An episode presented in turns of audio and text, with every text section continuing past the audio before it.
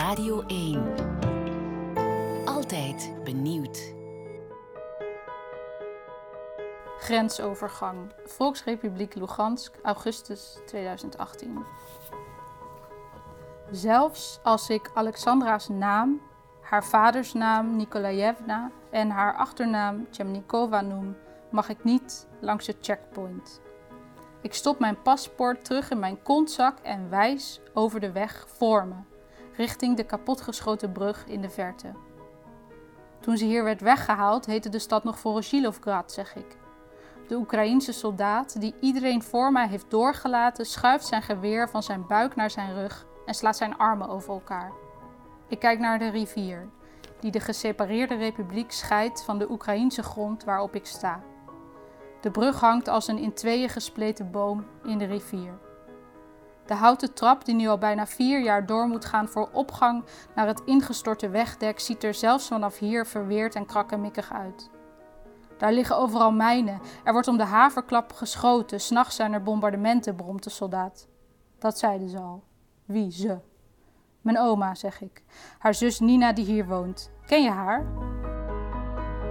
De weg naar de top van de literatuur is geplaveid met bloed, zweet en goede boeken. Mijn naam is Tom en ik neem je mee op bezoek bij acht beginnende schrijvers uit Vlaanderen en Nederland. De Palmens en Landois van de toekomst, zeg maar. Wie zijn ze? Wat schrijven ze? Maar ook, wat staat er in hun boekenkast? Want je bent wat je leest. Een lijstje van alle boeken die zo meteen vermeld worden vind je terug op langzullenwelezen.be. Zo kan jij rustig genieten van Groen Gebladerte.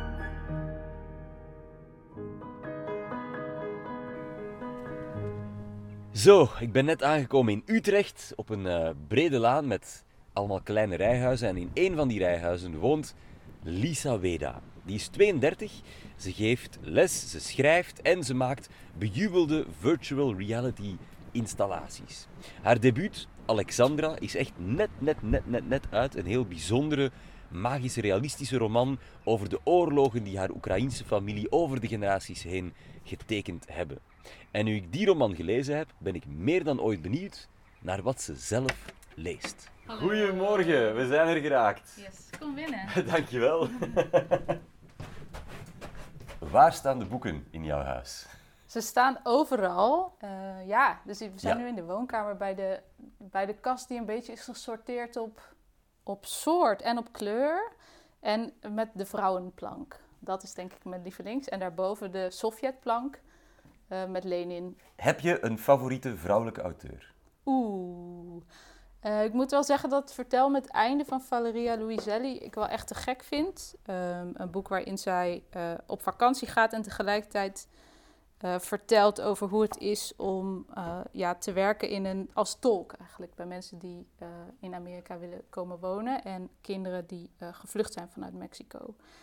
En zij moeten dan helpen met vertalen en met vertellen hoe ze eh, daar terecht zijn gekomen en waar ze vandaan komen en waar ze heen gaan.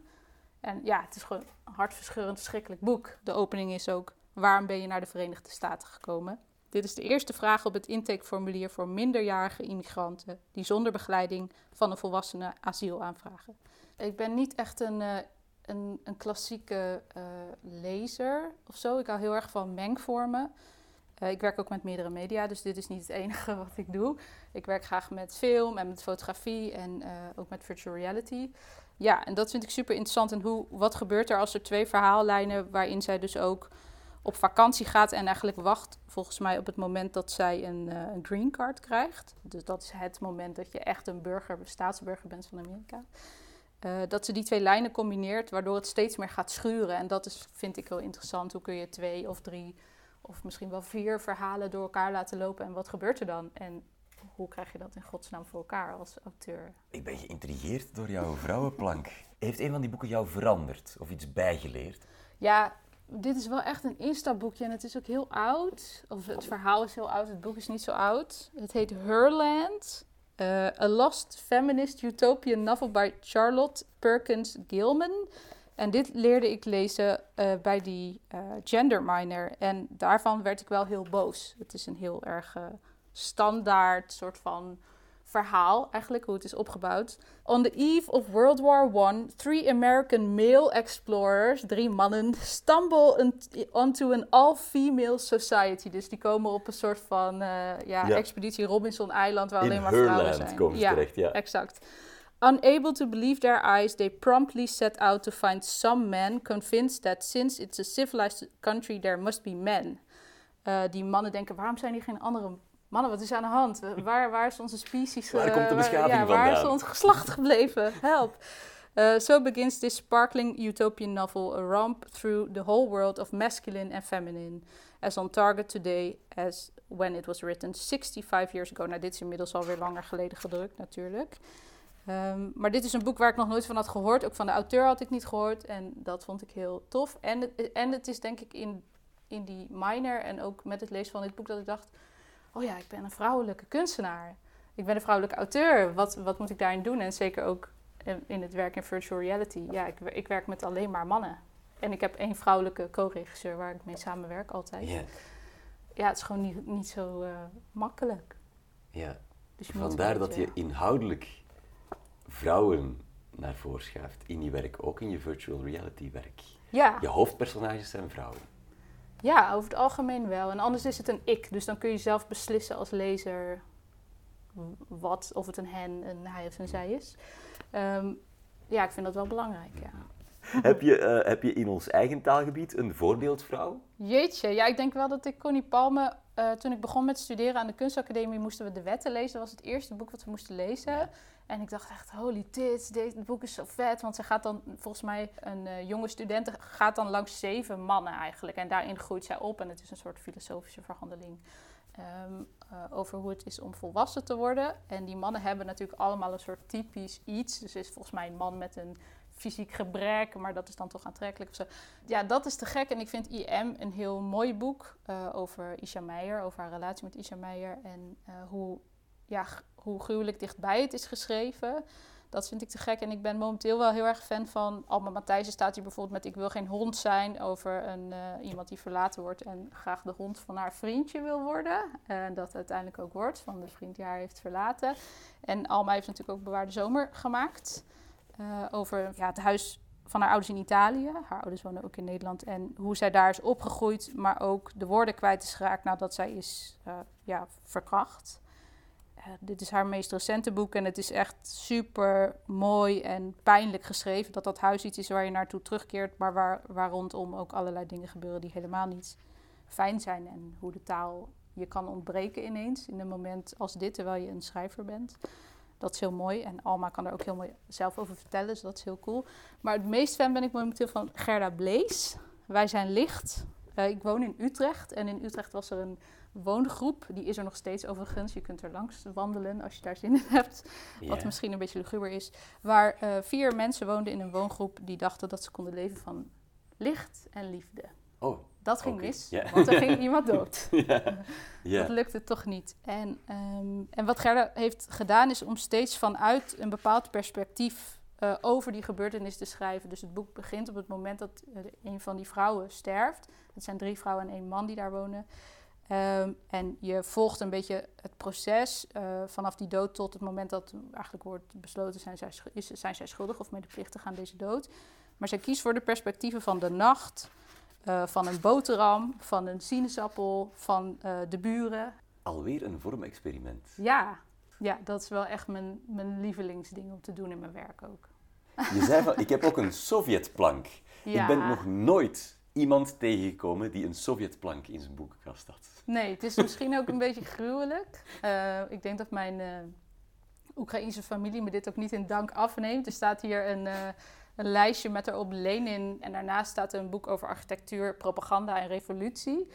Ehm, en Imagine Moskou Ja. heet het. En Ja. over ja, hoe architectuur werkt als een propagandamiddel. En dat is hetgene wat naast dat ik inderdaad vorm heel vet vind, ben ik ontzettend niet verliefd, maar wel gefascineerd door de Sovjet-Unie en door alles wat daarna is gekomen. Eh, ik reis veel in dat gebied.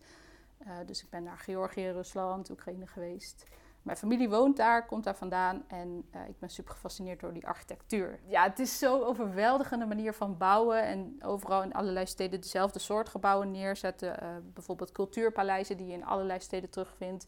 Er zijn fotografen die uh, fotoseries maken van bushokjes. Dus overal door de voormalige Sovjet-Unie heb je superlijpe bushokjes. Uh, die heel, ja, bijna propagandastijl zijn vormgegeven. Uh, die kan je nog steeds vinden. Daar wordt ook langs gereisd en zo. Dat is heel populair. Ik ben in Moskou ook naar de universiteit geweest bijvoorbeeld. Waar dan een, uh, weet ik hoeveel ton wegende Sovjetster bovenop staat. Die ze er dus niet meer afkrijgen omdat het te zwaar is. de symmetrie is interessant. Ja. Ook als je kijkt naar bijvoorbeeld in Berlijn heb je ook de Karl Marx Allee waar, waar alles symmetrisch is. Een soort badkamerhuizen van buitenkant met van die lelijke glimmende kuttegels. Dat je denkt, waarom is dit zo? Vroeger heette dat de Stalin-allee, wat nog verschrikkelijker is. ja. uh, ik vind het heel interessant, maar vooral de gruwelijkheid ervan is boeiend. Want door welke handen is het gebouwd? Uh, hier is nog een, een, bak met archieven. Dus ik heb foto's van familie, maar ik koop ook heel vaak foto's uh, uit de voormalige Sovjet-Unie. Die kun je online bestellen op eBay. Ja, de geschiedenis van de Ostarbeiters. Dus dat waren de vrouwen die te werk werden gesteld in de Tweede Wereldoorlog. Zoals mijn oma, de meisjes. Van Bas van der Plas, Ostarbeid. Ja, Bas van der Plas. Het is het enige echte Nederlandstalige boek erover, tot nu toe. Ja.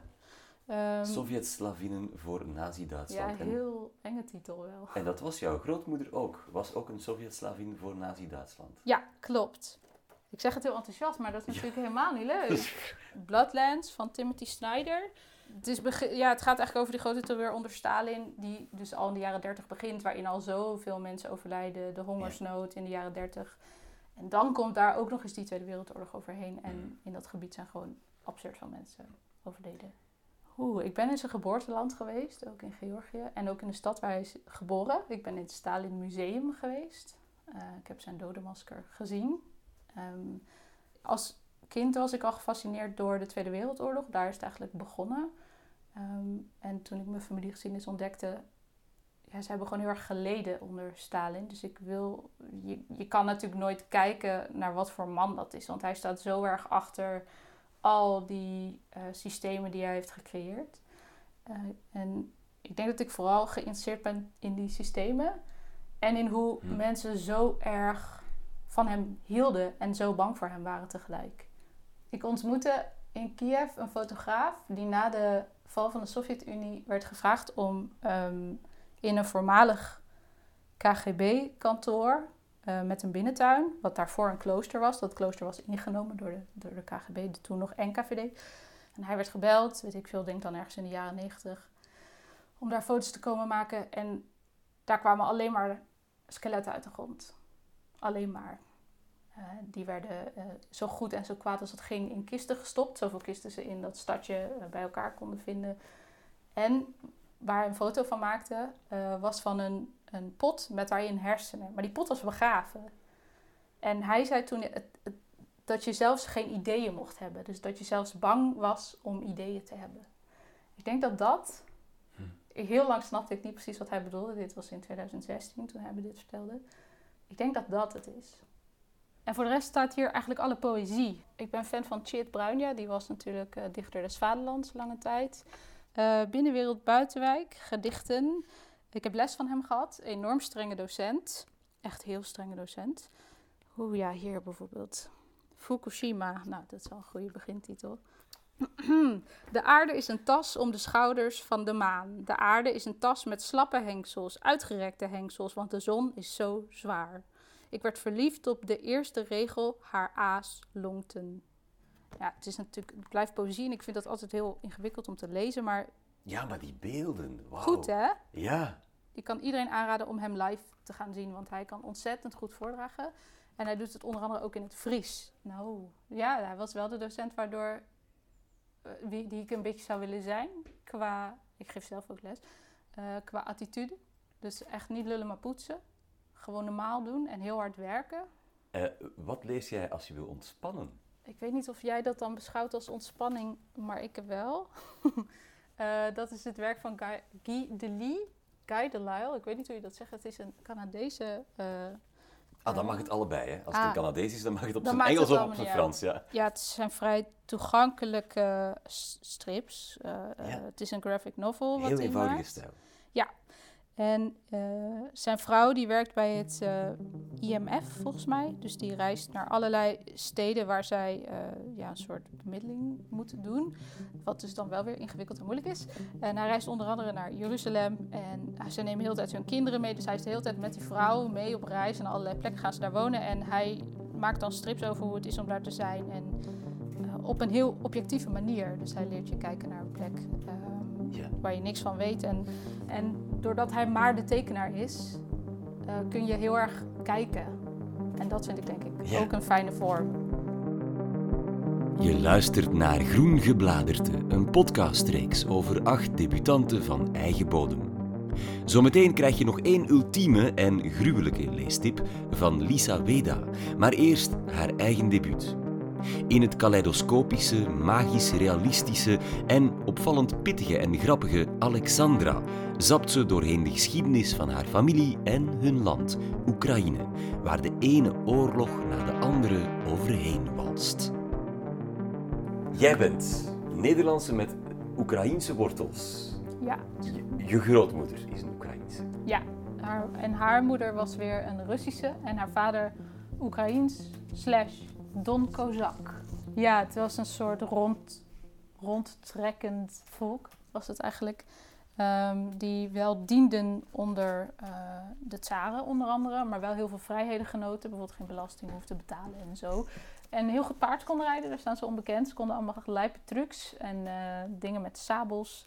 Uh, maar ik ben daar nooit zo, zo mee, bezig geweest. Mijn opa overleed toen ik 17 was. en daarna is mijn oma losser geworden. En ik ging uiteindelijk na mijn 23ste naar de kunstacademie. En op een gegeven moment had ik geen zin meer om te schrijven. Uh, dat is heel onhandig op schrijfopleiding, maar goed. In het tweede jaar. En toen ben ik foto's gaan verzamelen. Van mijn oma. Um, omdat ik erachter kwam dat zij ooit een Ostarbuiterin is geweest. Dus langzaam, het duurt even voordat je je opa en oma echt leert kennen of zo. Ik ben mijn oma gaan interviewen over hoe het was uh, om weggehaald te worden bij haar ouders in 1942. Zij was 18 jaar oud. Uh, ze werd in een veewagon gestopt en naar Duitsland gereden om daar te werken in het Roergebied, in de oorlogsindustrie. Zoals heel veel meisjes, volgens mij iets van 1,3 miljoen. Sovjetmeisjes zijn weggehaald van huis. En toen begon dat balletje te rollen, want toen begon ze ineens te praten over de jaren 30. Over dat haar ouders koelakken waren, rijke boeren, van wie het land werd afgenomen om staatsboerderijen te maken. Um, en dat haar vader een Don Kozak was.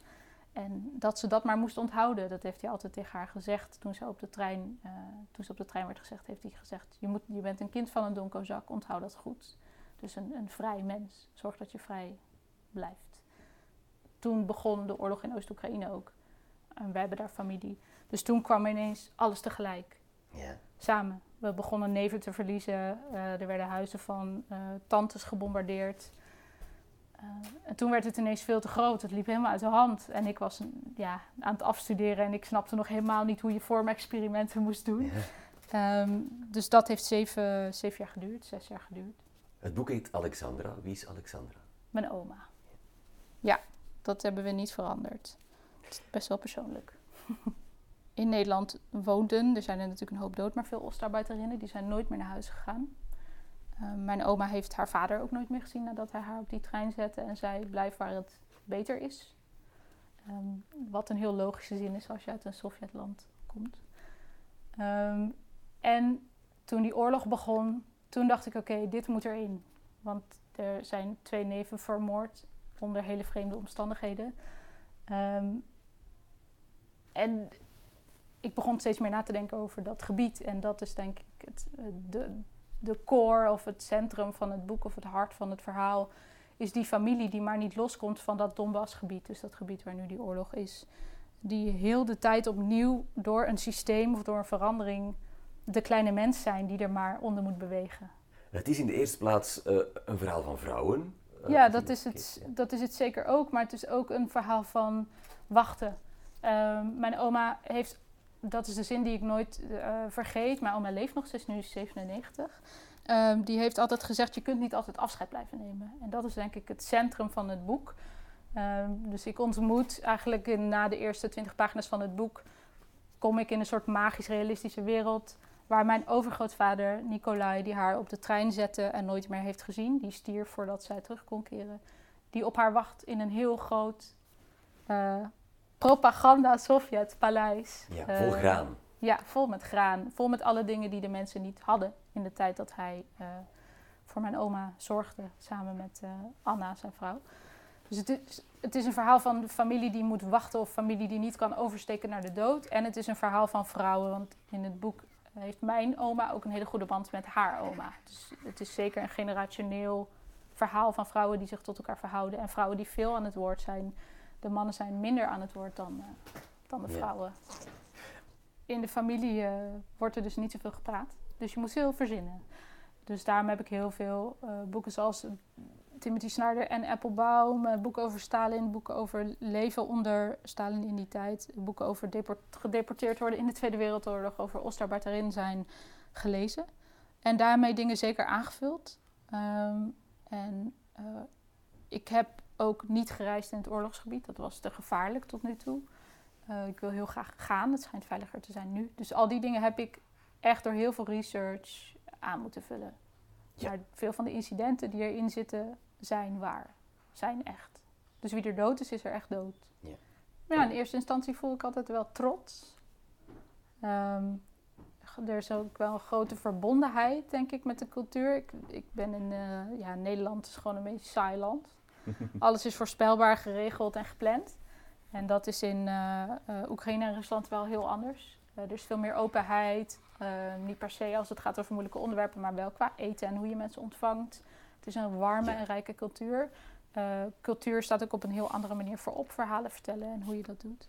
Hoe venijnig de waarheid en de realiteit soms ook zijn. Elke bladzijde staat bol van de humor. Is dat jouw stem of is dat ook hoe jouw familie omgaat met bijvoorbeeld de geopolitiek die constant als een pletwals over de familie heen is gewalst? Als er geen licht is, is er ook geen donker of zo. Dus dat is sowieso de combinatie. Uh, je hebt een boek, dat staat hier ergens. Mendelssohn op het dak. Uh, over uh, ja, het, het standbeeld van Mendelssohn dat in Praag van het dak van de opera moet worden gehaald, als ik het goed heb. Uh, door natuurlijk de nazi's die dan Praag overnemen. Maar die gasten weten helemaal niet wie Mendelssohn is. Dus ze halen de verkeerde jongen eraf. De verkeerde man.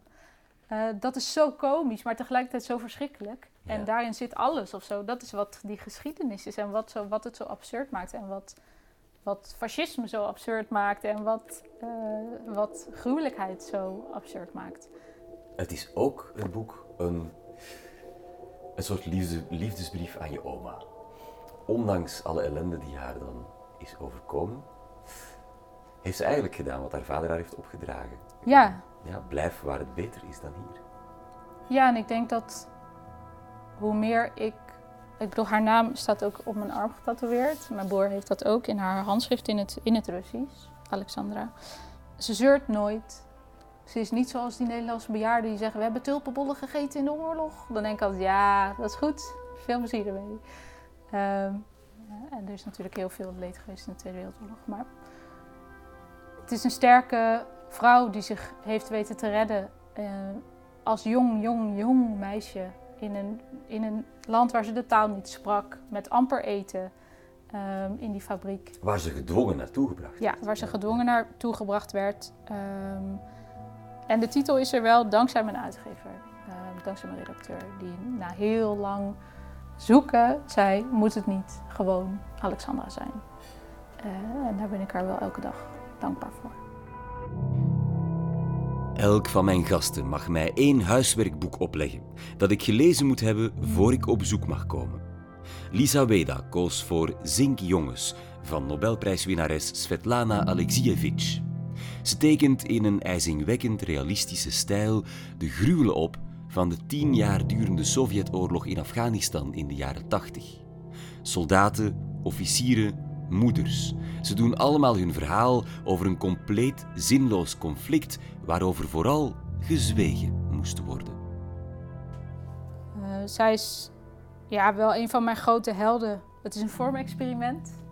Uh, en in Zinkjongens, uh, ja, Sovjetstemmen uit de Afghaanse oorlog, vertelt zij over jongens die daar hebben gevochten, vrouwen die daar in, die verpleger waren in Afghanistan, moeders wiens zonen niet meer thuis kwamen. Moeders wiens zonen wel thuis kwamen, maar vervolgens iemand met een hakbel in stukjes hakte en de bel weer terug in de keukenla legde. De doden zijn allemaal anders. Niemand is hetzelfde. Als ze in het water liggen, gebeurt er iets met een dood gezicht. Ze krijgen allemaal een soort glimlach. Regen wast ze schoon. Droog in het stof is de dood duidelijker. In een nieuw uniform, maar met een hoofd als een droge rode koek. Geplet als een hagedis onder een wiel. Maar jij leeft nog. Je ziet er een tegen een muurtje zitten. Bij een huis, naast gekraakte noten, met open ogen. Er was niemand geweest om ze dicht te doen. Na de dood heb je nog 10, 15 minuten. Dan gaat het niet meer. Dan krijg je die ogen niet meer dicht. Maar jij leeft nog. Ja, wat ik hier zo goed aan vind, is dat ze eigenlijk laat zien hoe overbodig die oorlog was. En dat die jongens geen idee hadden wat ze daar gingen doen. Die jonge mannen en vrouwen. Ehm, en dat er thuis zinkjongens verwijst naar de zinken kisten waarin zij allemaal naar huis terug werden gebracht. Direct, vaak onder de grond werden gestopt. Dichtgelaste kisten die niet opengemaakt mochten ja, worden. Exact. Ja, exact. wat precies is waar we het volgens mij over hadden. Je mag geen ideeën hebben. Ja, die hele generatie moet daardoor getekend zijn. Dit heeft echt de, dat Afghaanse conflict moet echt de, de mindset van een hele natie veranderd hebben, terwijl er niet over gesproken mocht worden. Ook, dit is ook waarom een roman er is, omdat het... Uh, ik las een keer ergens zo moed slaat de generatie over. Je hebt een soort van tijd nodig om dat zwijgen te doorbreken. Um, en ik ben zo benieuwd, net als met die, die tuin waarin dan al die uh, skeletten worden opgegraven, hoeveel er nog boven water komt. Want het is eindeloos, net als die in de geschiedenis. Die meisjes die naar huis gingen, um, want die werden gewoon opgehaald door de Sovjets. Die werden gewoon in Nederland, als je niet getrouwd was, werd je gewoon weer meegenomen. Dan werd je, werden je spullen opgehaald en uh, dan mocht je direct in de trein terug naar Moskou. En die meisjes werden als collaborateur in de gulag gestopt. Dus daar werd er ook niet over gesproken. Er wordt generatie op generatie van de grote hongersnood in de jaren 30 in, de, in, in Oekraïne, in het gebied waar mijn oma opgroeide in de Tweede Wereldoorlog. Uh, uh, over die Afghaanse oorlog, die interventie. Daar op, over al die dingen wordt niet gesproken. Over de mensen die zijn zoek geraakt. Er is heel veel fascinatie over architectuur. Er was een heel ander boek hiervoor, een heel andere vorm. Uh, over Sovjet-architectuur en uh, lijnen tussen Sovjet-architectuur en de fascistische architectuur onder Albert Speer, een soort van de huisarchitect van Hitler. Uh, om het maar even neerbuigend te zeggen. ze hadden allemaal een beetje dezelfde doelen. Hele grote absurde gebouwen bouwen. En daar heb ik heel veel onderzoek naar gedaan. En daar zou ik graag nog iets kleins van willen maken. Of een performance of een soort iets misschien wel op een toneel, wat ik veel te eng vind. En we zitten erover na te denken om, maar dat is een heel groot project, zou het paleis wat in deze roman zit graag in of augmented reality of in virtual reality willen gieten. En dan dat je eigenlijk door die ruimtes kan lopen zoals je hier ook doet in een roman, maar dan eh, wat kleinere snippets van verhalen, waardoor je meemaakt hoe het is om als burger in zo'n gigantische grote wereld, die, ja, die zo, zo groot moest zijn, wat het nooit werd, dat werd, de belofte werd nooit ingelost. Hoe, hoe het is om daarin rond te wandelen.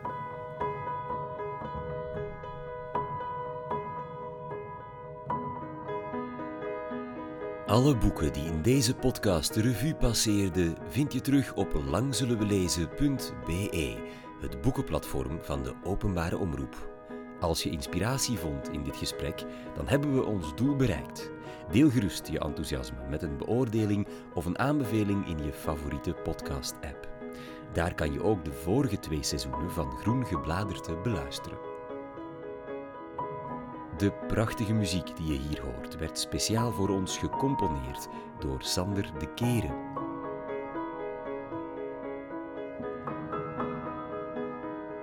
Groen Gebladerte kwam tot stand in samenwerking met Sabam for Culture een podcast van Lang Zullen We Lezen voor Radio 1.